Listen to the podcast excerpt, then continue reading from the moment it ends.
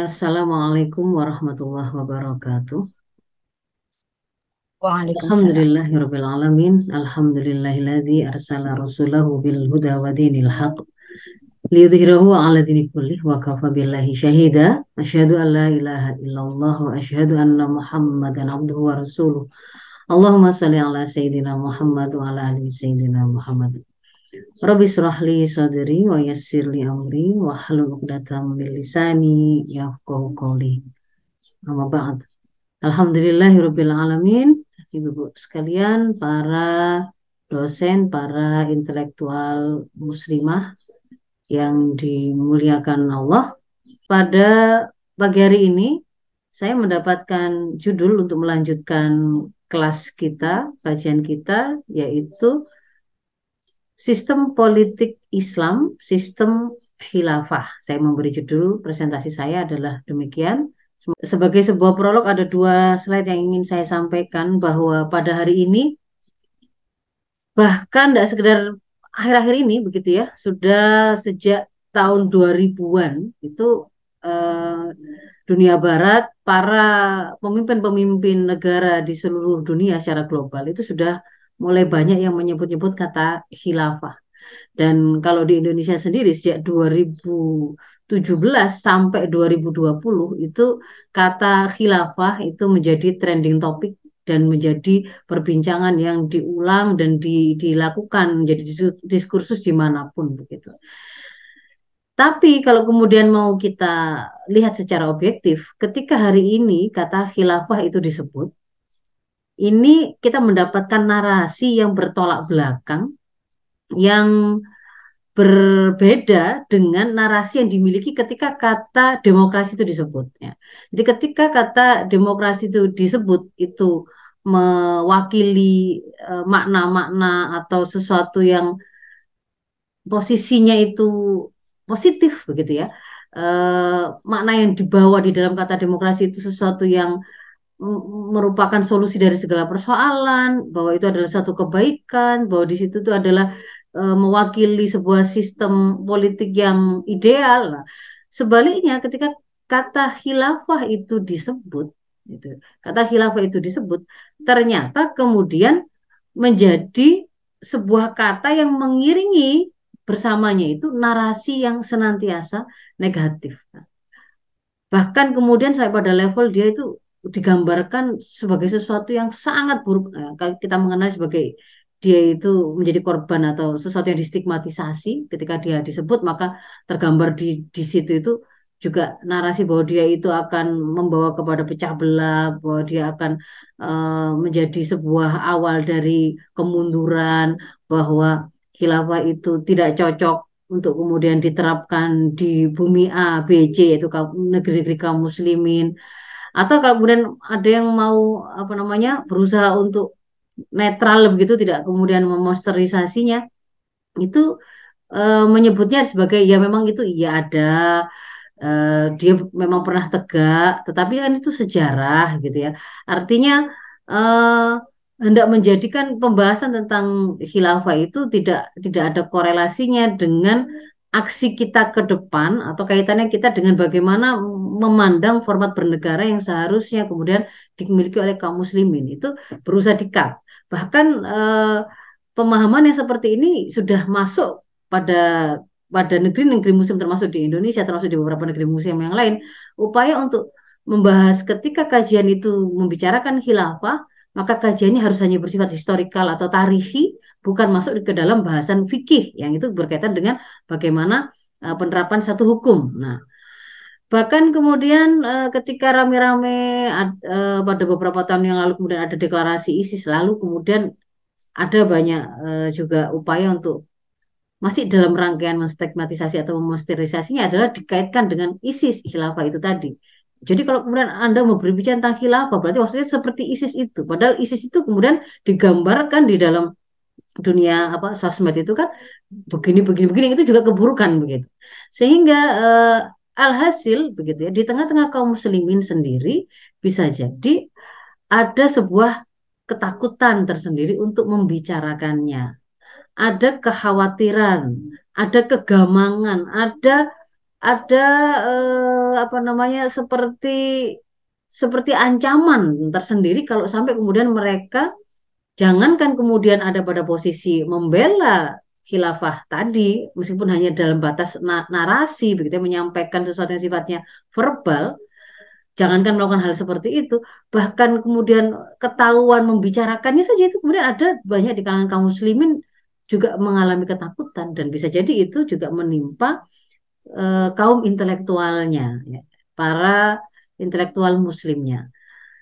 Maka seharusnya sebagai seorang intelektual muslim, ya, atau kalau Al-Quran menyebutnya sebagai kaum ulul albab, harusnya kita nggak serta merta ikut bagaimana arus atau atmosfer yang sedang sedang berusaha mendesain benak kita atau rasa kita ya pemahaman kita. Tapi kita harus secara objektif kemudian duduk tenang, menganalisa, mencari tahu yang mana sebenarnya hal yang itu merupakan kebenarannya. Kenapa? Karena di antara karakter intelektual itu adalah bahwa dia dia terbiasa untuk mendengar ada banyak paparan, ada banyak narasi, ada banyak uh, penjelasan, analisa, tetapi dia hanya akan mendengarkan uh, dan memilih perkataan yang paling baik. Jadi dia hanya akan dari per, semua perkataan analisa narasi yang dia dengar yang yang dia tadi biasa mendengarnya tadi dia akan coba dudukkan semuanya, dia akan dengarkan semuanya. Tapi yang kemudian akan dia ikuti, yang akan dia pilih itu adalah apa yang paling baik di antaranya. Jadi fat fayat tabi'una ahsana. Mereka akan hanya mengikuti apa yang terbaik saja. Dan itulah orang-orang yang alladzina hadahumullah, mereka mendapatkan petunjuk dari Allah dan itulah yang disebut oleh Allah sebagai ulaika hum ulul albab, orang-orang yang berakal.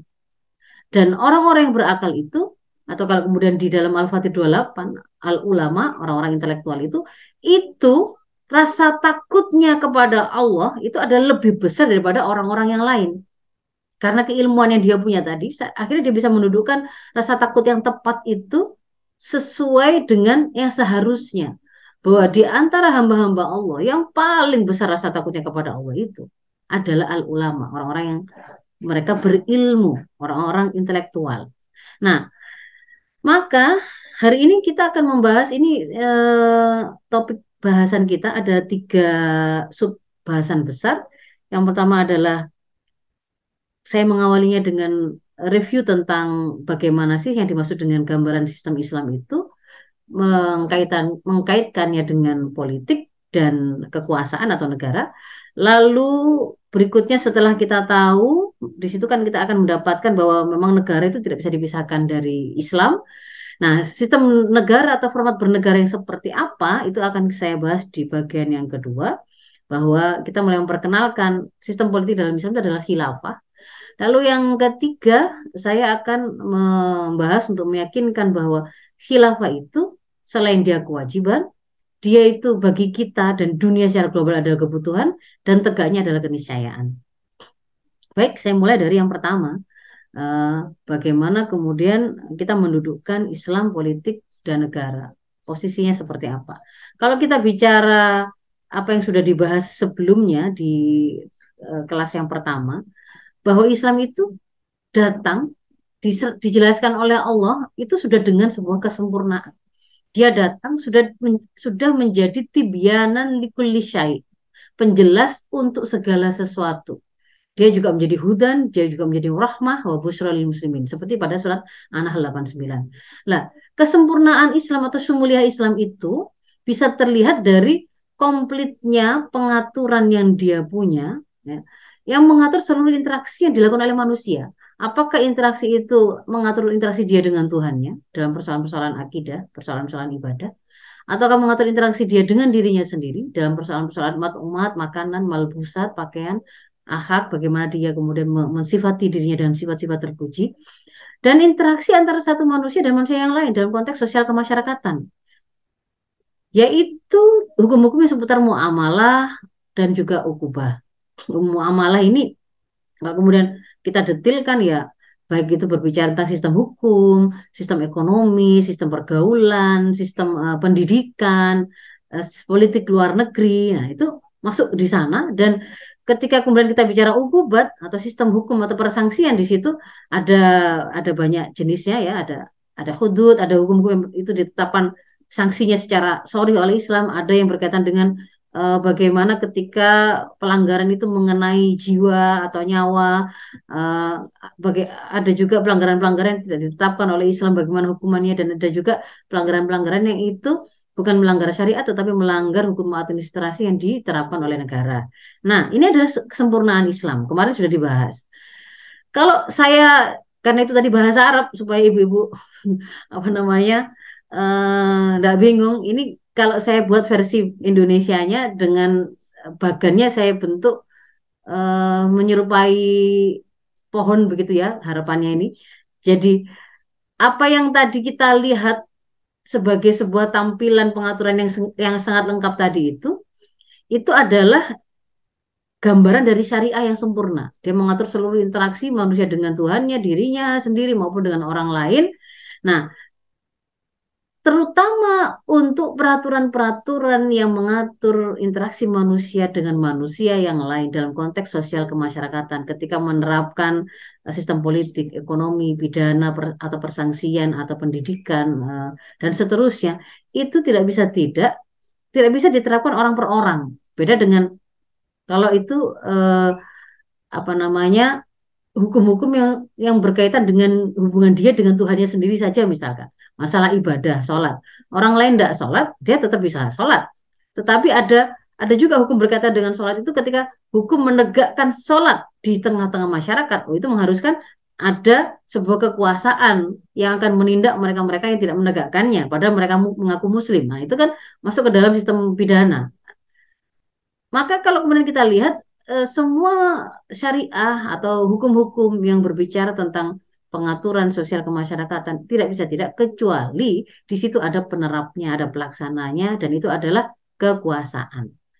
Kekuasaan itu pada asalnya adalah milik umat yang kemudian didelegasikan oleh umat ini kepada seseorang dengan mekanisme pembaiatan yaitu saya serah saya angkat kamu menjadi seorang yang saya beri kekuasaan untuk mengatur seluruh urusan kami dengan syariah Islam secara kafah. Nah, itu namanya konsep bayat penguasa di dalam Islam. Nah, syariah ini sendiri Ibu-ibu sebenarnya kan uh, sesuatu yang sifatnya cabang karena ada sesuatu yang melahirkannya yaitu berawal dari akidah yaitu keyakinan terlebih dahulu akan keberadaan Allah sebagai zat yang menjadi awal dari dari segala sesuatu termasuk keberadaan manusia, kehidupan dan alam semesta ini.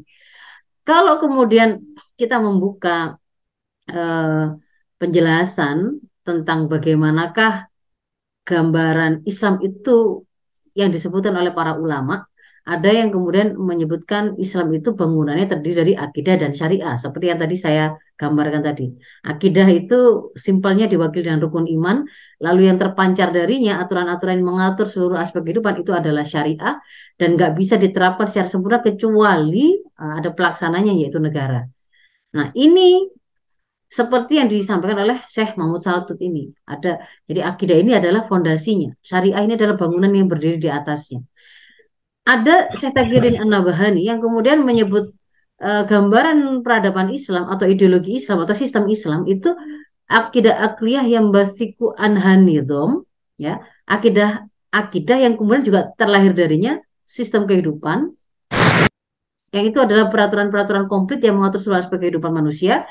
Tapi untuk kemudian bisa membuat umat ini bisa membedakan bahwa ada unsur konsep dan ada unsur eh, pelaksanaan ya metode metode maka beliau menyebutnya dengan memperkenalkan istilah Islam itu terdiri dari fikroh dan torikoh. Fikroh itu artinya ada konsepnya, yaitu mulai dari akidah plus eh, konsep-konsep hukum syarek untuk menyelesaikan persoalan itu disebut sebagai konsep. Lalu ada toriko atau metode itu yaitu pelaksananya, yaitu keberadaan negara. Karena hari ini kalau dari aspek konsep itu tetap ada, tetapi kenapa tidak bisa ada pengaruhnya dalam kehidupan? Karena faktor atau komponen metode yaitu keberadaan negara ini yang hilang. Gitu. Jadi kepentingannya kemudian beliau memunculkan uh, pembagian Islam itu juga fikroh dan toriko atau konsep dan metode karena untuk bisa melihat dengan jelas, memperlihatkan kepada umat dengan jelas, hari ini yang tidak ada yang tidak kita miliki itu adalah metodenya, yaitu penerapnya. Sehingga akhirnya konsep itu sekalipun ada, tersimpan dalam kitab-kitab, tersimpan dalam uh, warisan-warisan hukum-hukum fikih yang sudah di, di apa dikeluarkan oleh para ulama, tetapi dia tidak bisa tidak bisa terterapkan secara nyata sehingga tidak ada pengaruhnya gitu. Nah, kemudian kalau kalau kemudian kita membaca pendapat Imam Ghazali dalam kitab Al-Iqtisad fil Iqtiqad ya, itu beliau kemudian juga menggambarkan relasi antara agama atau Islam ini dengan kekuasaan itu yang seperti apa. Jadi kalau tadi saya Takyudin menyebut kekuasaan itu adalah metode penerapan Islam, kalau eh, tadi Muhammad Saltu tadi menyebut bahwa eh, syariah itu adalah sesuatu yang dilahirkan dari akidah dan bagian dari syariah itu adalah kekuasaan. Nah, Imam Ghazali dalam kitab Al-Iqtisad wal Iqtiqad ini mengatakan bahwa agama dan kekuasaan ini berarti dua saudara kembar. Agama fondasinya, kekuasaan adalah penjaganya. Segala sesuatu yang tidak berfondasi pasti akan runtuh, segala sesuatu yang tidak ada penjaganya ya akan hilang. Jadi kalau kemudian digabung sebenarnya ya saling menguatkan pendapat-pendapat para ulama ini tadi, para mustahid ini. Jadi ketika hari ini tidak ada negara penerap, tidak ada metode penerap, tidak ada khilafah, tidak ada kekuasaan untuk menerapkan Islam, akhirnya eh, gambaran Islam sebagai sistem hidup way of life kan tidak terlihat. Mana pergaulan yang mulia itu yang seperti apa? Mana gambaran masyarakat yang terjaga dari jadi hal-hal yang merendahkan seperti maraknya zina, maraknya homer, LGBT mana? Gak, gak kelihatan, akan hilang.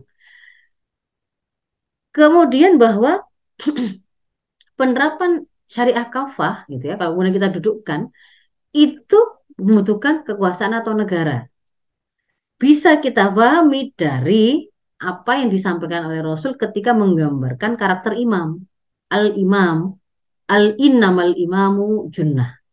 Imam itu uh, seperti atau laksana perisai. Yukotalu min waroih Uh, mereka berperang di belakangnya di bawah kepemimpinan si imam tadi. Oh takobi dan dia juga berlindung di belakangnya. Nah, kalau kemudian kita buka uh, apa yang ditulis oleh Imam Hasan uh, oleh apa namanya di dalam kitab Syarah Muslim Nawawi itu dikatakan yang dimaksud dengan al imamu junah itu adalah bahwa dia seperti perisai yang bisa mencegah musuh min azal muslimin yang akan me menyakiti kaum muslimin dan dia yamnaun nas ba'dhum min manusia, berarti maksudnya masyarakat, itu akan terjaga untuk saling mendolimi satu sama lain. Mereka juga akan wayahmiu bayi total Islam, dia juga akan menjadi benteng yang memelihara, menjaga benteng Islam, dan dia juga dia akan menggetarkan manusia dengan kekuasaannya. Nah, ini kalau Imam Hasan Al Basri mengatakan seandainya tidak ada kekuasaan, wah manusia satu dan manusia yang lain itu akan saling memakan, akan saling mendolimi. Jadi kalau kemudian kita menyelesaikan sub eh, bahasan yang pertama, kita sudah bisa mendudukkan Islam itu sempurna, dia bangunannya akidah dan syariah, di antara syariah itu adalah berbicara tentang kekuasaan, dan sebenarnya kekuasaan itu adalah metode untuk menerapkan semua konsep-konsep dan hukum-hukum Islam yang konsep-konsep dan hukum-hukum Islam itu itu adalah solusi yang kita cari. Sifatnya, relasinya relasi yang sangat kuat. Artinya tanpa kekuasaan kita tidak akan bisa menegakkan Islam kafah. Nah, sekarang pertanyaan berikutnya. Lalu kekuasaan yang seperti apa? Yang kemudian diberikan pengaturannya oleh Islam. Format bernegara atau format politik yang seperti apa yang kemudian disampaikan oleh Islam. Kita awali dengan mendudukkan makna asiasah. Asiasah itu eh, singkatnya saya langsung lompat saja pada sebuah kitab disampaikan asiasah itu adalah maknanya adalah uh, ar-ri'ayatu syu'unil ummah. Karena secara bahasa itu siasa itu artinya mengatur aturan, keteraturan. kalau politik di dalam Islam artinya adalah ariyayatus syu'unil ummah, melakukan pengaturan uh, urusan-urusan ummah dengan hukum-hukum Islam. Fikih siasah itu artinya hukum Islam yang berbicara bagaimana mengatur kekuasaan dan pemerintahan yang digunakan untuk mengelola urusan umat. Nah, ternyata kita kemudian mendapati bagaimana urusan-urusan umat itu kemudian diatur, urusan-urusan umat itu tadi diatur, yang tadi itu harus menggunakan aturan Islam itu diatur, siapa yang mengaturnya, bagaimana bentuk formatnya, apakah raja yang mengelolanya, apakah presiden yang kemudian eh, sebagai representasi dari, dari kekuasaan yang dimaksudkan oleh Islam ataukah kaisar ataukah eh, apa namanya perdana menteri ataukah seperti apa ketika kemudian kita membuka eh, rujukan-rujukan yang menjadi sumber dari hukum-hukum Islam kita akan menemukan bahwa memang satu-satunya sistem bernegara atau sistem politik yang diwariskan oleh Rasulullah SAW itu ya hanya khilafah. Cuma nanti kata-katanya itu e, memang nggak selalu dalam bentuk kata khilafah karena ada ada kalanya disebut, disebut juga dengan kata al imam ada juga kadang-kadang e, disebut disebut juga dengan e, imaroh atau kepemimpinan ataupun juga kemudian e, diperkenalkan oleh para ulama itu dengan e, daulah ya, daulah daulah Islamiyah. Nah, kita coba buka satu persatu. Yang pertama bahwa Rasul menyampaikan dalam sebuah hadis riwayat Muslim yang ini adalah di antara hadis yang darinya kita kemudian menderivasi atau mendapatkan makna asiasah itu atau politik itu berasal ya. Karena di sini ada ada ada kata tasusuhum ya. Tasusuhum karena Banu Israel tasusuhumul ambia. Tasusuhum ini dari kata sasa ya susu tasusum. Bahwa Bani Israel itu dulu itu senantiasa mengurus urusan mereka, mengurus urusan mereka itu para nabi. Para nabi itu selalu mengurus urusan mereka. Kullama halaka nabi khalaqahu nabi. Setiap nabi itu kemudian uh, meninggal digantikan nabi yang berikutnya. Tapi Rasul mengatakan, Rasul Muhammad SAW mengatakan, wa innahu la nabiyya ba'di. Tapi setelahku, nggak akan ada lagi nabi. Wasatakunu khulafa'u fataksur. Ya, ini ada yang hilang ya. Dan yang hanya ada itu setelahku itu adalah ada para khulafa, para pengganti. Ini kalau secara bahasa khulafa adalah e, bentuk jamak dari singular khalifah. Ini jamaknya. Jadi khulafa itu jamak dari khalifah, tunggalnya. Setelahku akan ada para pengganti disebut khalifah kalau satu banyak adalah khulafa dan jumlahnya itu banyak beliau mengatakan begitu jadi dalam hadis ini saja kita mendapatkan penjelasan atau uh, kita bisa mendapatkan apa namanya sumber untuk memaknai kata siasah atau politik siapa yang kemudian melakukan politik tadi atau pengurusan tadi, yaitu para nabi ketika nabi itu ada, tapi setelah nabi tidak ada, diperkenalkan penggantinya yaitu khulafa, para penggantinya rasul. Bukan untuk menggantikan e, nabi itu dari aspek kenabiannya atau nubuahnya, tidak. Tetapi karena kita memahami para Rasulullah itu adalah nabi yang kemudian juga pemelihara urusan umat sebagai kepala negara. Jadi yang dimaksud sebagai menggantikan di sini adalah menggantikan beliau bukan sebagai nabinya, tetapi sebagai pengelola urusan umat. Jadi khulafa di sini adalah para eh, pengganti rasul dalam melanjutkan pengelolaan urusan umat. Nah, termasuk juga kemudian uh, beliau menyebut lagi dengan istilah khulafa rasyidin itu pada hadis yang lain. Fa'alaikum bisunnati wa sunnatil khulafa rasyidin hadiyin. Menjadi kewajiban atas kalian untuk berpegang teguh kepada sunnahku, jalanku, sistem hidup yang aku bawa, wa sunnatil khulafa'i rasyidin yang itu yang yang mereka juga al ihdiyin ya. Mereka itu eh, para khalifah penggantiku yang tertunjuki ya tertunjuknya diulang ya pakai rasyid sama pakai hadi ya yang tertunjuki mereka itu dan itu diperintahkan untuk benar-benar berpegang. Artinya apa? Di sini kita mendapatkan di hadis ini uh, para khulafa rasyidin yang mereka mendapatkan petunjuk itu itu adalah uh, posisinya di perintah ketaatan itu sama dengan ketika Rasul memerintahkan kita untuk mengikuti memegang sunnahnya Rasul. Berarti khulafa ini itu adalah khulafa rasyidin ini itu adalah penerus dari apa yang dilakukan oleh Rasul sehingga kita uh, mereka punya hak untuk mendapatkan ketaatan dari kita. Bahkan upaya kita untuk mentaati mereka itu bahkan membutuhkan pengorbanan sekalipun harus kita lakukan itu. Seandainya itu harus ibaratnya untuk berpegang itu harus membuat kita tuh menggigitnya dengan gigi geram, lakukan itu. Nah, itu salah satu eh, contoh uh, beberapa dalil yang menunjukkan bahwa khilafah itu adalah sistem politik yang diwariskan oleh Rasul. Nah, kalau di masa Rasul sendiri, kita ya nggak mengenal khilafah Islam karena kata-kata khilafah lalu orangnya adalah khalifah, jamaknya adalah khulafa, itu kan maknanya memang pengganti. Jadi nggak nggak tepat kalau menyebut masa Rasul itu adalah masa kekhilafan Islam, jelas salah. Masa Rasul beliau adalah nabi sekaligus Raisud Daulah yang pertama di Madinah. Pemimpin negara pertama yang beliau tegakkan di Madinah.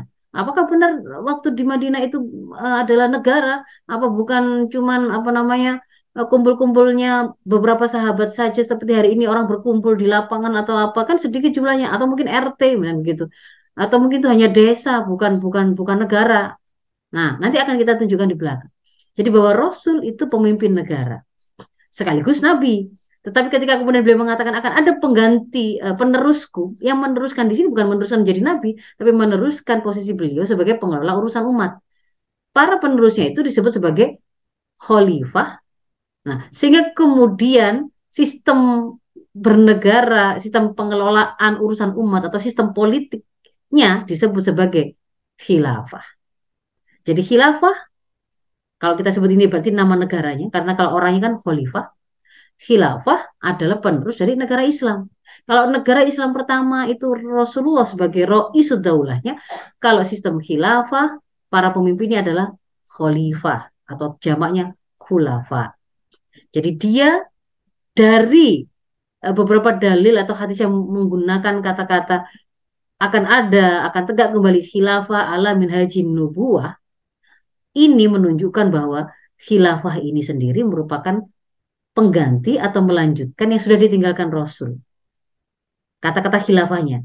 Kalau dari kata alamin haji nubuahnya, alamin haji nubuahnya ini juga menjelaskan bahwa berarti khilafah pengganti itu hanya akan benar-benar berjalan mengikuti manhaj kenabian. Berarti dia tidak bikin nggak ngadi-ngadi kalau bahasa anak sekarang. Itu bukan bikin-bikin yang baru. Tetapi itu adalah semata-mata hanya mengikuti kembali apa yang sudah diwariskan oleh Rasul. Kemudian dari uh, sumber-sumber hukum tadi, para ulama, para intelektual muslim itu kan kemudian mendefinisikannya, men melakukan takrif ya, membuat takrif atau definisi.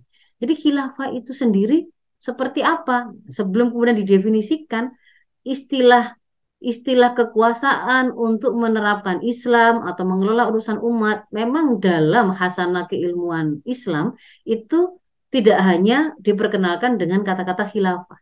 Ada kalanya disebut sebagai dengan kata khilafah atau khalifah, ada kalanya juga disebut dengan ad-daulah Islamiyah atau ada di akhir-akhir ini kita menyebut itu misalkan seperti yang disampaikan oleh Syekh Taqiyuddin An-Nabhani itu uh, dengan istilah nidhamul hukmi fil Islam, sistem pemerintahan di dalam Islam atau kalau para fuqaha terdahulu menyebutnya juga dengan uh, imamah atau imaroh atau darul Islam ini apa yang kita nukilkan dari uh, kitab Al-Fiqh Islam Adilat.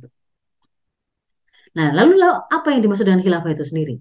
Saya ambil dua ini saja. Uh, yang pertama adalah dari Syekh Abdul Majid Al-Khalidi dalam Qawaid Nidhamul Hukum fi Islam. Beliau mendefinisikan khilafah adalah riasatun amatun lil muslimin jami'an fid dunya.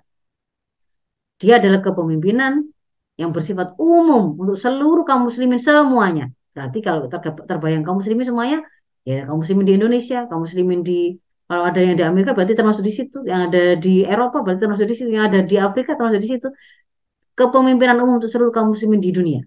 Jami'an semuanya fit dunia di dunia.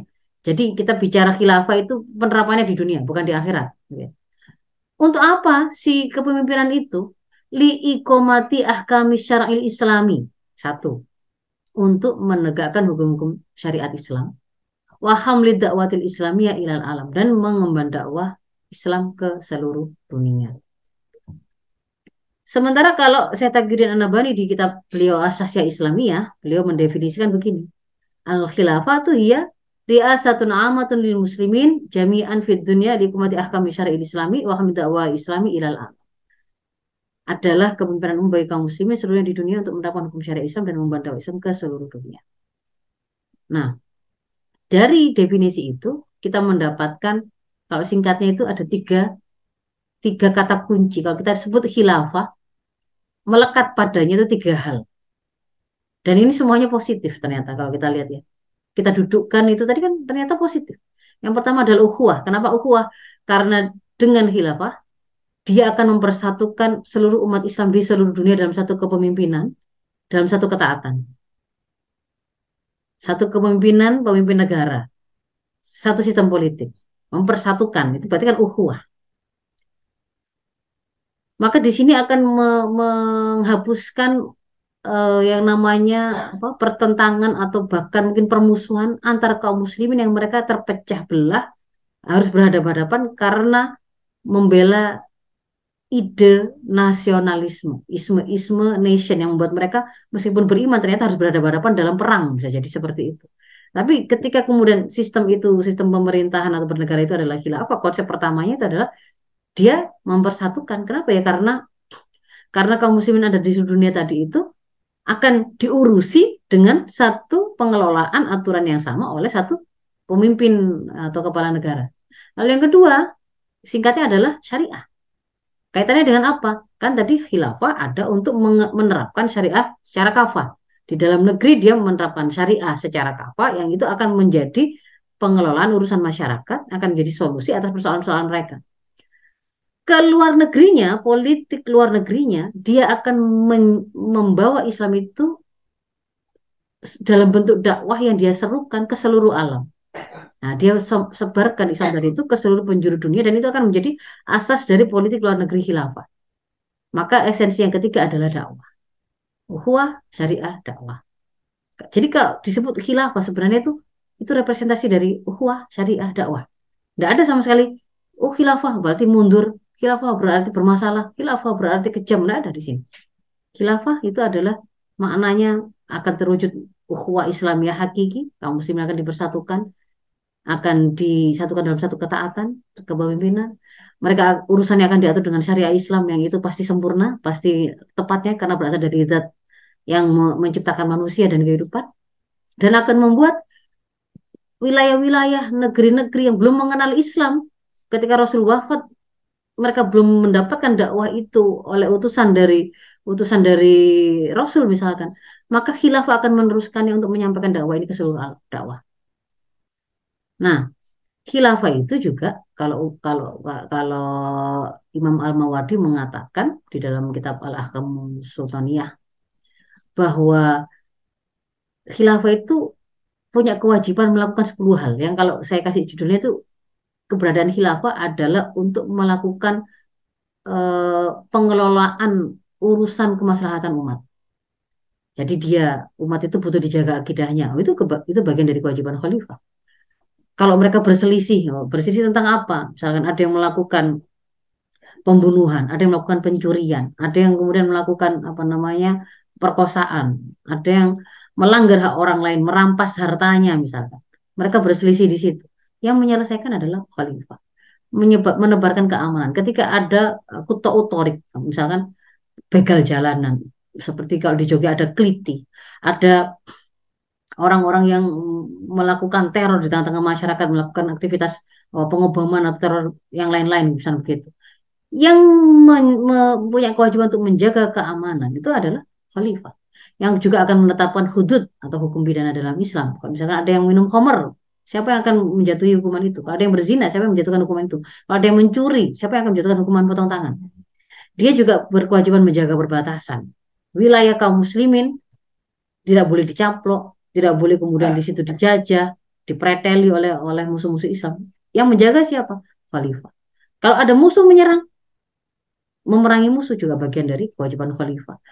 Yang kemudian melakukan eh, apa namanya pengumpulan harta umat dan juga pengelolaannya dan pendistribusiannya, menarik faid, melakukan apa namanya santunan, mendistribusikannya, mengangkat para penguasa yang menjadi kepanjangan tangan dari khalifah untuk wilayah-wilayah tertentu, dan dia terlibat langsung dalam mengurusi bagaimana jalannya negara. Itu versi Imam Mawardi.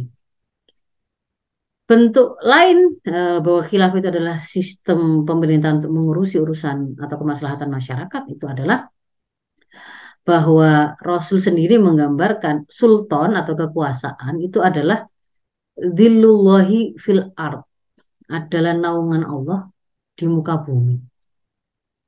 Jadi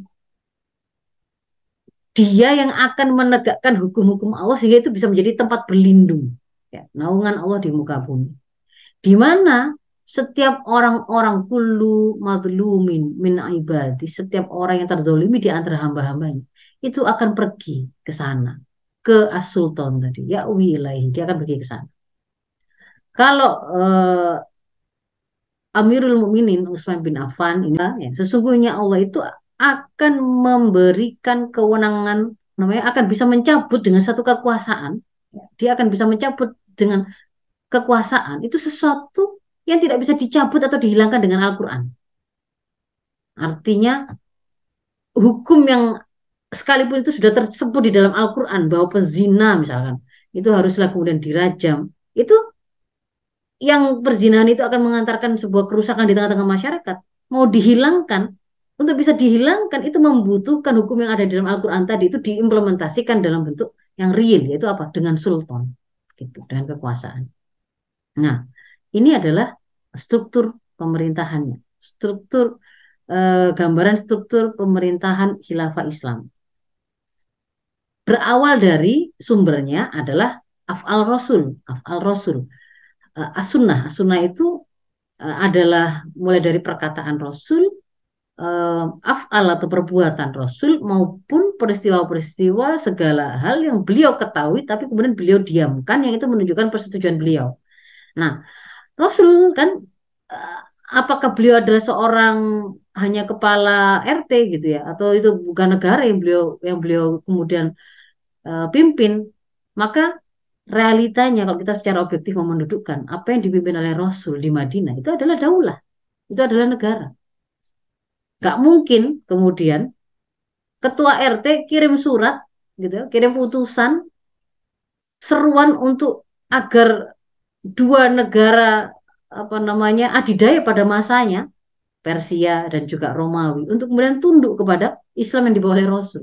Mana ada seperti itu. Itu karena beliau adalah posisinya kepala negara yang memimpin sebuah kekuasaan besar.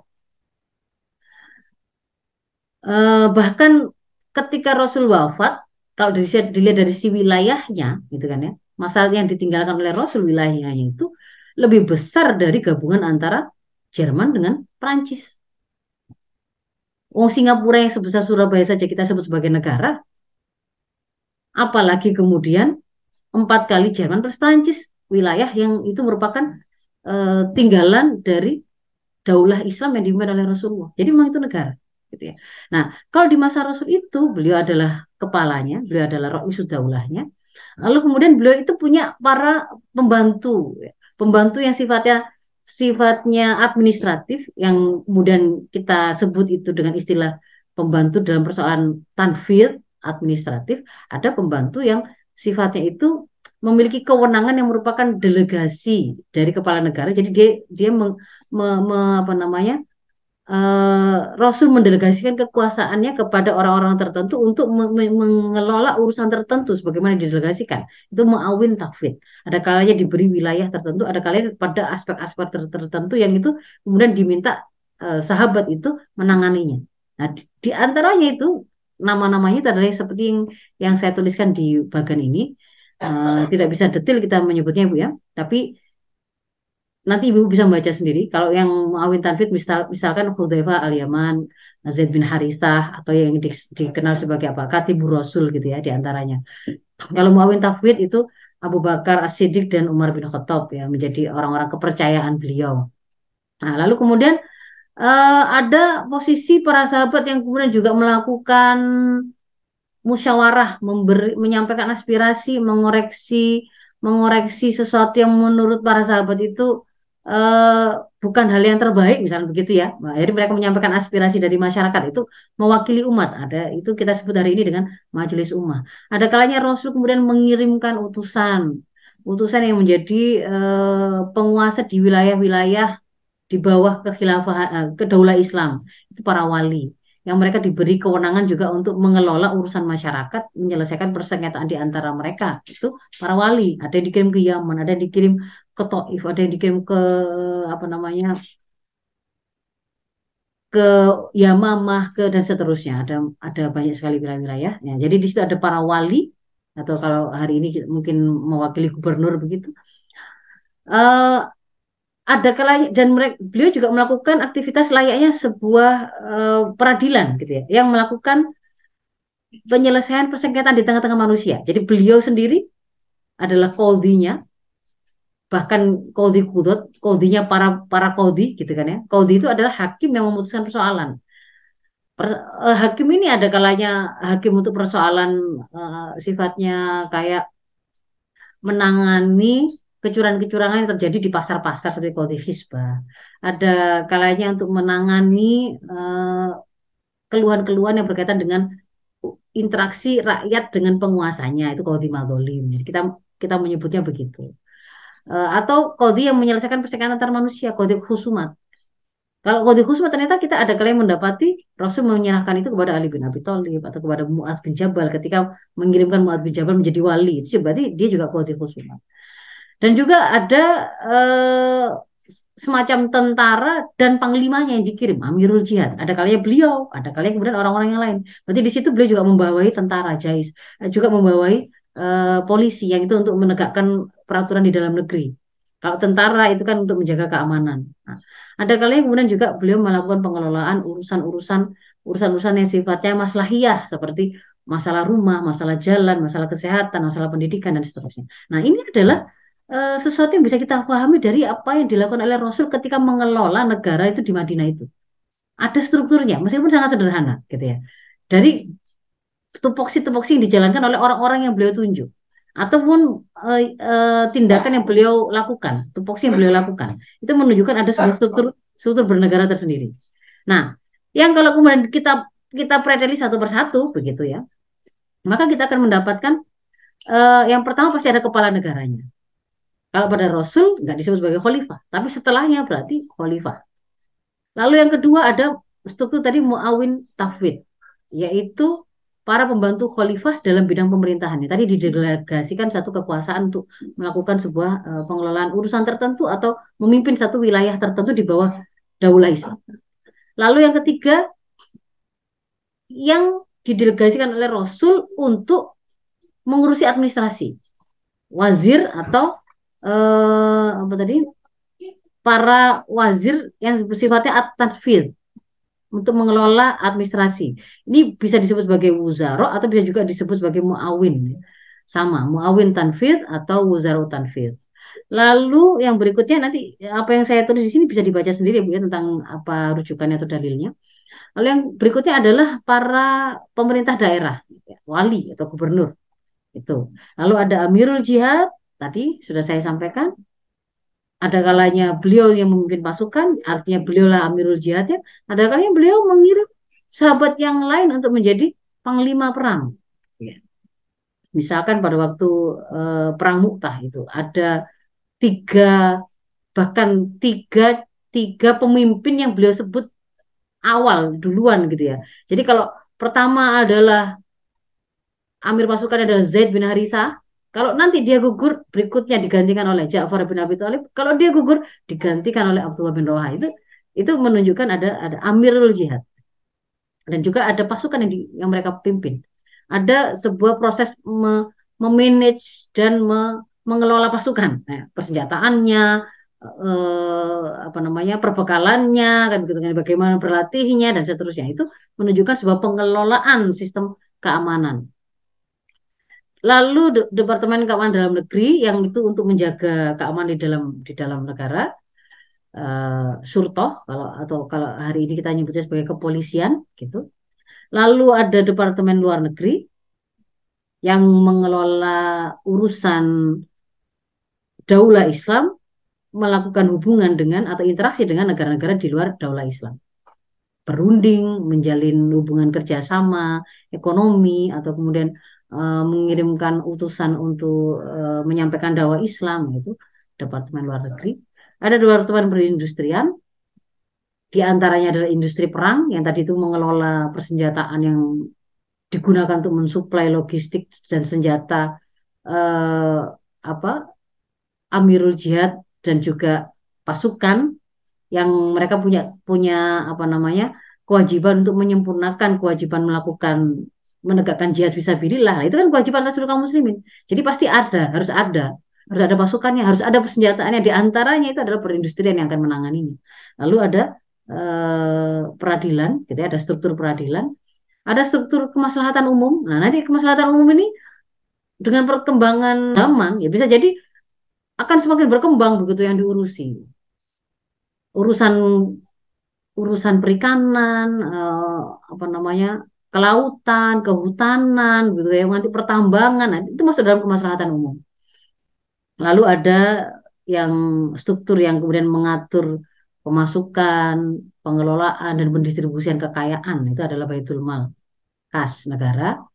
Lalu ada struktur eh, penerangan sistem media hari ini kita bicaranya sistem media yang akan me, satu akan menjadi menjadi alat komunikasi penguasa kepada rakyatnya untuk menyampaikan kebijakan-kebijakan dan juga untuk bagian dari melakukan edukasi ya sistem penerangan sistem media. Lalu ada struktur majelis umat tadi itu yang tugasnya adalah mewakili umat untuk menyampaikan aspirasi atau kemudian mengoreksi kebijakan atau melakukan muhasabalil hukam e, mengoreksi penguasa ketika dipandang ada kebijakan yang kurang tepat atau yang ketiga dia tugasnya melakukan musyawarah. Sehingga kalau kemudian mau kita modernisasi strukturnya begitu ya, yang apa namanya dibikin dibikin sesuai dengan struktur kenegaraan yang lebih modern pada hari ini ya kira-kira akan seperti inilah. Begitu. Ya di sini ada yang yang buahnya ini adalah masalah iya pelayanan kemaslahatan masyarakat yang panjangnya ada tentang riset teknologi, teknologi ada perhubungan, kependudukan, tenaga kerja dan seterusnya, kesehatan, pertambangan. Nah ini ada di sini. Struktur ini kita dapatkan dengan menggabungkan penggalian hukum tentang struktur negara Islam dari masa Rasul plus ya plus uh, struktur khilafah Islam yang dilakukan oleh para khulafa Rasyidin yang empat itu yang kemudian kan juga dilanjutkan sistem khilafah itu hingga terakhir terakhir itu pada eh, apa namanya pada khilafah Turki Utsmani yang di tahun 1924. Akan tetapi yang yang apa namanya yang berfungsi sebagai dalil ya, sebagai sumber hukum itu adalah hingga yang menjadi ijma sahabat. Jadi mulai dari nanti kita akan mendapatkan penggalian hukum tentang khilafah ini ya dari al, sumbernya Al-Qur'an, As-Sunnah, ijma sahabat dan kias. Nah, uh, as-sunnah itu di antaranya adalah meliputi dari perkataan, perbuatan Rasul ketika memimpin dan juga apa yang beliau diamkan. Lalu kalau ijma sahabat itu adalah termasuk bagaimana para sahabat itu memimpin urusan umat ini, bagaimana mereka itu mengelola negara, sesuatu yang mereka tahu bagaimana kebijakan itu dilahirkan, mereka menyetujuinya, mereka mendiamkannya, tidak pernah ada yang kemudian mengoreksinya. Itu berarti ijma menjadi kesepakatan di antara mereka dan itu masih bisa menjadi hukum juga sumber hukum bagi bagi kita untuk mengambilnya. Maka di situlah kemudian kita bisa dapatkan struktur seperti itu tadi. Nah, misalkan saya ambil contoh sistem pemerintahan pada masa Khalifah Umar bin Khattab itu ada aktivitas-aktivitas layaknya pengelolaan negara modern, pembayaran gaji, pengelolaan apa penarian pajak, pajak tanah, tapi bukan pajak seperti hari ini ya. Ini ada makna tersendiri nanti kan ya. harus di apa namanya harus dikaji sendiri di dalam kelas yang lain ya jangan disamakan gitu ya kemudian eh, ada upaya untuk menegakkan keamanan dan ketertiban di dalam negeri dengan ada kepolisian, ada ada sahabat lain yang diberi kewenangan untuk menegakkannya. Itu seperti kepolisian. Ada pengelolaan baitul mal ya. Misal kisahnya kan ketika ada yang ibu dan keluarganya yang kelaparan sehari itu sampai kemudian memasak batu, bagaimana kemudian Umar memanggul langsung dari baitul mal. Ada ada di situ ada cadangan ada logistik, ada depo makanan, ya, simpanan yang bisa di, diantarkan untuk me, me, apa memenuhi kebutuhan rakyat. Atau ketika ada uh, seorang apa Yahudi kakek-kakek yang kemudian mengemis, yang kemudian oleh Rasul eh, oleh Umar bin Khattab diperintahkan untuk dijamin kebutuhannya diambilkan dari harta Baitul Mal dan itu dijadikan sebagai kebijakan apakah untuk dia saja untuk semuanya yang seperti dia gitu ya untuk rakyat-rakyat lain juga sama seperti uh, kakek Yahudi yang tadi itu lemah tidak ada yang ngurusi maka itu dikelola atau diurusi mereka oleh negara gitu termasuk juga menciptakan uh, awal penanggalan itu masanya Umar bin Khattab. Nah, jadi kita bisa sudah bisa paham memang ya sistem politik di dalam Islam atau format bernegara dalam Islam kalau kita cari dari sumbernya ya memang khilafah gitu. Tidak ada kemudian di situ itu uh, memerintahkan dalam bentuk republik atau kerajaan atau kekaisaran atau atau misalkan perdana menteri atau negara bentuk negara federasi itu tidak ada. Yang ada adalah negaranya dengan negara kesatuan, sifatnya global, yang diterapkan sistem hukumnya adalah aturan Islam Kafah. Itu sebagai penutup dari bagian kedua. Yang ketiga kita masuk bahwa khilafah itu sendiri kalau kemudian uh, yang sudah kita pahami itu kalau kemudian kita tanya memang harus tak itu ditegakkan gitu ya. Maka jawabannya memang iya karena khilafah itu adalah kewajiban. Dalilnya apa? Dalil kan masuk diri akam Islam itu bisa berupa Al-Quran, As-Sunnah, Ijma Sahabat, dan Kias. Dalil untuk menegakkan khilafah sebagai sebuah kewajiban, kita bisa dapatkan itu dari Al-Quran, maupun dari As-Sunnah, maupun dari Ijma Sahabat. Kalau Al-Quran berarti ini adalah perkataan Allah baik makna maupun lafadznya wahyu.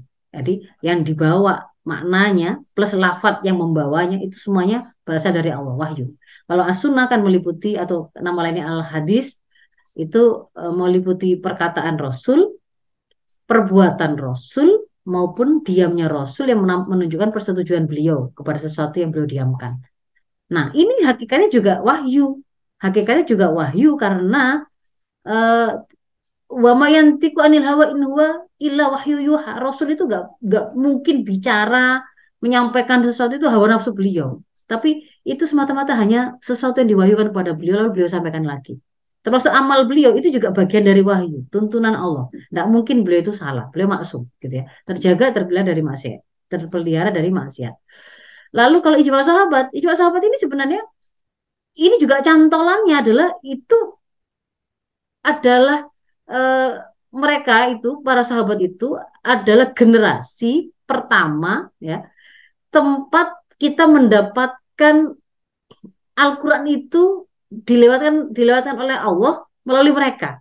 Padahal Allah itu menjamin bahwa Al-Quran itu akan selalu dipelihara oleh Allah. Berarti bagian dari mekanisme pemeliharaan itu adalah generasi pertamanya itu adalah orang-orang yang terpercaya. Dan kemudian ada banyak sekali pujian-pujian yang diberikan oleh Allah maupun Rasul kepada para sahabat.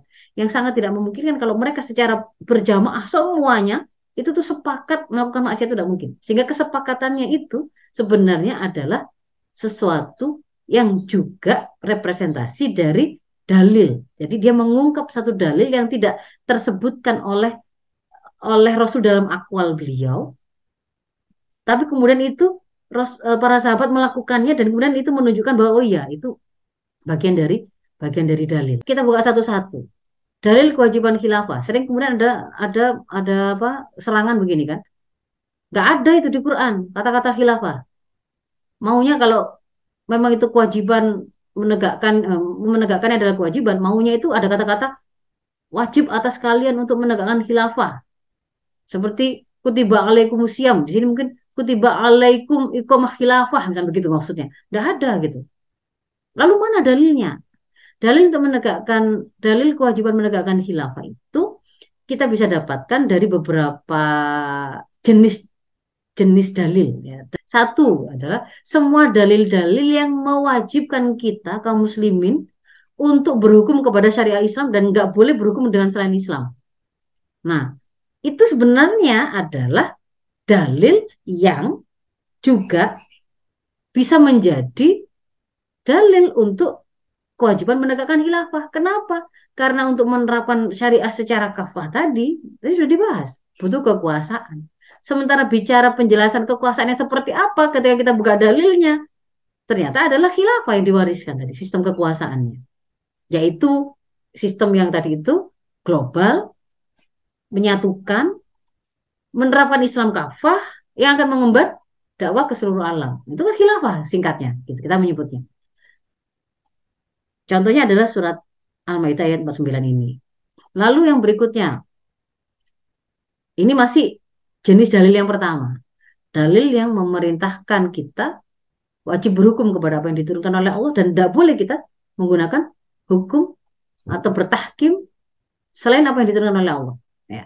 Bahkan dicela orang yang kemudian tidak menjalankan hukum sesuai dengan hukum Allah itu bisa jadi jatuh pada kekafiran ketika meyakini bahwa hukum Islam itu lebih apa namanya tidak layak untuk me mengelola urusan mereka, tidak layak menyelesaikan masalah mereka atau jatuh kepada kedoliman dan juga mereka bisa jatuh kepada fasik melakukan dosa atau maksiat.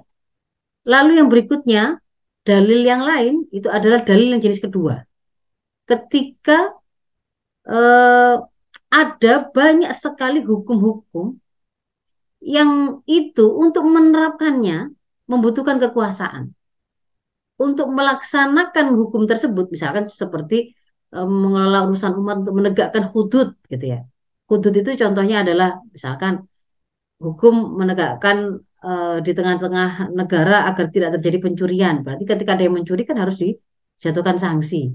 Siapa yang kemudian siapa yang kemudian berhak untuk menjatuhkan sanksi itu? Ada perintah uh, wasari kuasari kotu fakta itu di dalam Al-Maidah ayat 5 pencuri perempuan, pencuri laki-laki, pencuri laki-laki, pencuri perempuan, potong tangan keduanya. Nah ini ini ada hukum yang harus dilaksanakan kan? Ada hukum tentang uh, azaniatu wazani fajlidu kula wahidin minhuma mi'ata jalda. Uh, yang perempuan berzina laki-laki maka jilidlah keduanya dengan 100 kali jilitan cambukan. Nah, ini juga diperintahkan untuk dilakukan. Tapi siapa yang melaksanakan? Masa orang per orang? Pak RT-nya, Pak kepala desanya, atau ustadz, enggak bisa. Yang pasti akan protes orang. Tapi ketika yang melakukan adalah pemilik kekuasaan pengadilan yang kemudian menghukumi lalu yang menjatuhkan sanksi itu adalah bagian dari sistem persangsian di negara tersebut itu representasi kekuasaan maka umat akan taat. Jadi ini maknanya apa? Ketika ada perintah-perintah untuk melaksanakan kewajiban ini itu adalah juga bermakna kewajiban untuk menegakkan pelaksananya kenapa karena tidak mungkin hukum-hukum tadi diterapkan atau dilaksanakan kecuali oleh pemilik kewenangan atau kekuasaan. Nah, seperti yang disampaikan oleh Abdul Qasim An-Naisaburi. Jadi beliau mengatakan yang dimaksudkan ketika ada kata-kata jilidlah para pezina itu, itu siapa yang diseru? Itu bukan seluruh rakyat, bukan seluruh umat, bukan. Tetapi adalah imam atau khalifah, pemilik kekuasaan. Jadi pelaksana hudud adalah pemilik kekuasaan. Kalau tadi Imam Naisaburi begitu, Ibnu Taimiyah juga mengatakan ketika menerangkan ada ayat eh, ada ayat yang mengatakan pencuri laki-laki dan pencuri perempuan potonglah kedua tangannya itu ya. Asari kuasari kotu di rumah. Maka di sini juga beliau mengatakan yang yang diperintahkan untuk melaksanakan hukum itu itu yang mampu. Siapa yang mampu itu? Yang punya kemampuan ini adalah yang dimaksud dengan mampu di sini itu adalah kekuasaan. Jadi pelaksana hudud ini itu adalah yang memiliki kekuasaan atau wakilnya. Kalau Al-Qurtubi mengatakan di sini ini berarti kita disuruh untuk melaksanakan hudud itu plus gitu mengadakan siapa yang me, e, menerapkannya. Karena seruan ini tuh seruan untuk baik yang baik orang yang uh, orang yang akan menegakkan hukumnya maupun kemudian tempat diterapkannya hukum itu kena semua. Al Imam Syafi'i mengatakan tidak boleh menegakkan had kecuali itu imam atau yang mendapatkan delegasi dari imam. Ibnu Qudamah juga begitu. Yang menegakkan had itu ya imam atau khalifah atau wakilnya. Jadi jelas itu. Dalil tentang menerapkan hudud itu adalah dalil untuk menegakkan kekuasaan atau pelaksananya. Lalu yang berikutnya dalil yang berbunyi uh, perintah untuk mentaati ulil amri. Nah, itu sebenarnya juga dalil untuk menegakkan khilafah. Kenapa? Karena yang dimaksud dengan ulil amri, kata-kata ulil amri kalau dalam hasanah hasanah pembahasan fikih Islam, ini sudah maknanya itu khas. Orang-orang yang mengatur urusan itu siapa? Ya penguasa. Penguasa gitu. Jadi di sini ini Allah, Rasulnya yang perlu kita yang wajib kita taatikan Allah, Rasulnya dan ulil amri minkum. Nah, kalau eh, apa bahasannya secara penafsirannya itu kan untuk ulil amri tidak diulang kata-kata atiunya. Artinya dia itu nunut ketaatan kepada dia itu adalah mengikuti selama ulil amri ini taat kepada Allah dan taat kepada Rasulnya. Tuh. Lalu, nah ini ada, ini bagian dari apa namanya pendapat Islami begitu ya. Ada yang kemudian di antaranya adalah Imam Qurtubi yang menggunakan di dalam di dalam Al-Quran itu kan ada kata-kata khalifah gitu. Ada kata-kata khalifah yang pada waktu Allah mau menciptakan Nabi Adam. Lah itu Imam Al-Qurtubi menjadikan ini ayat ini itu juga sebagai dalil kewajiban menegakkan khalifah itu. Karena beliau kemudian mengatakan bahwa uh, ini ayat ini bukan hanya bicara tentang Nabi Adam, tapi untuk seluruh manusia.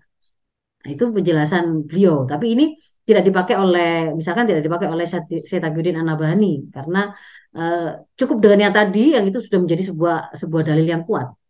Tapi ini adalah bagian dari pendapat Islami, ya, bahwa Imam Al-Qurtubi juga mengatakan bahwa uh, di antara ibro dari ayat ini adalah wajib untuk mengangkat imam atau khalifah yang wajib didengarkan dan ditaati, yang agar dengannya suara kaum muslimin itu saat disatukan, hukum-hukum khalifah bisa dilaksanakan, gitu. Itu beliau menyebutnya seperti itu. Itu dari Al-Qur'an. Lalu kemudian dalil dari as-sunnah ya, ada banyak sekali eh, dalil-dalil di antaranya ketika dalil itu bicara tentang perintah taat kepada pemimpin nah, atau dalil yang berbicara tentang bayat. Karena konteks bayat itu ketika hadis itu menyampaikan itu adalah proses pendelegasian kekuasaan dari yang semula milik umat kepada seseorang yang diangkat secara pilihan secara free oleh umat ya tidak ada dipaksa untuk apa gitu ya. Dibayarnya untuk apa? Agar agar orang tersebut mengurusi urusan umat ini dengan syariah Islam. Nah, kata-kata yang apa tercantum di dalam hadis-hadis yang berbicara tentang bayat itu bagian dari dalil yang bisa digunakan untuk menunjukkan kewajiban menegakkan khilafah. Misalkan eh, ada ada celaan ya, seseorang yang dia menarik tangannya dari mentaati Allah akan men, akan menemui Allah itu di hari kiamat tidak punya hujah. Barang siapa yang man mata walaisa fi unukihi mata mitatan jahiliyatan. Barang siapa yang meninggal tapi dia tidak ada bayat di pundaknya kepada khalifah maka dia seperti mati jahiliyah. Sudah lalu ini kemudian diterjemahkan oleh para para ulama dalam bentuk uh, kaul-kaul mereka untuk memudahkan umat ini apa mendapatkan pelajaran. Silakan dibaca nanti ada Imam Ibnu Nawawi ada Imam Imam Ibnu Hajar Al Haythami uh, dan seterusnya. Hanya dua itu yang saya nukilkan di sini. Dan uh, sebagai penutup bahwa khilafah itu selain kewajiban itu kita membutuhkan bu. Ini kebutuhan kebutuhan karena dialah yang akan menjadi pelindung kaum muslimin hari ini. Ketika kemudian hari ini ada banyak misalkan di India itu ya orang kaum muslimin sampai di jalan-jalan itu dipukuli, perempuannya diperkosa, mereka sholat itu dilecehkan, eh, atau di berbagai belahan bumi yang lain ya di Palestina dan seterusnya. Itu siapa yang bisa melindungi, yang bisa melaksanakan porsi atau posisi sebagai perisai, yaitu kepala negara, khalifah, khilafah. Dunia juga membutuhkan khilafah. Karena hari ini ketika tidak ada khilafah, tidak tidak diatur dengan aturan berbasis wahyu, akhirnya kemudian diatur dengan sekularisme kapitalisme, yang terjadi adalah gambaran kehidupan yang sangat serakah, yang saling memakan satu sama lain begitu ya, jauh dari kemuliaan, sangat banyak kerusakan, dan itu sampai kepada negeri-negeri Islam karena mereka juga menggunakan aturan aturan kufur yang dipaksakan atas diri mereka. Lalu khilafah itu yang kita butuhkan itu, yang juga menjadi kewajiban kita menegakkannya, pasti akan tegak kembali.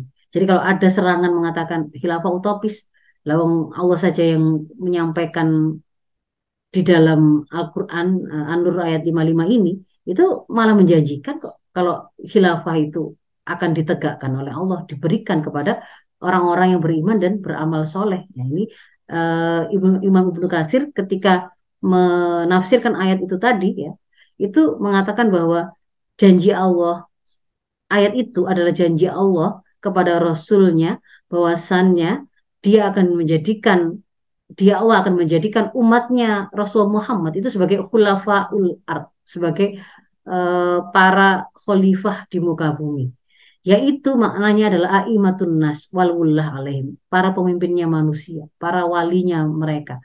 Yang dengannya dan keberadaan mereka akan tasluhul bilad negeri-negeri itu akan diperbaiki.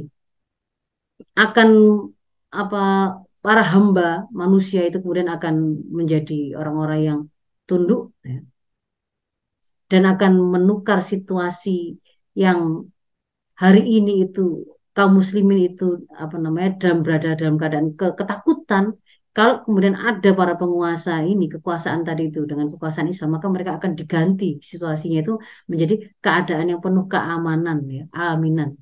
Dan juga akan membuat keberkahan Allah itu akan tercurahkan. Jadi itu.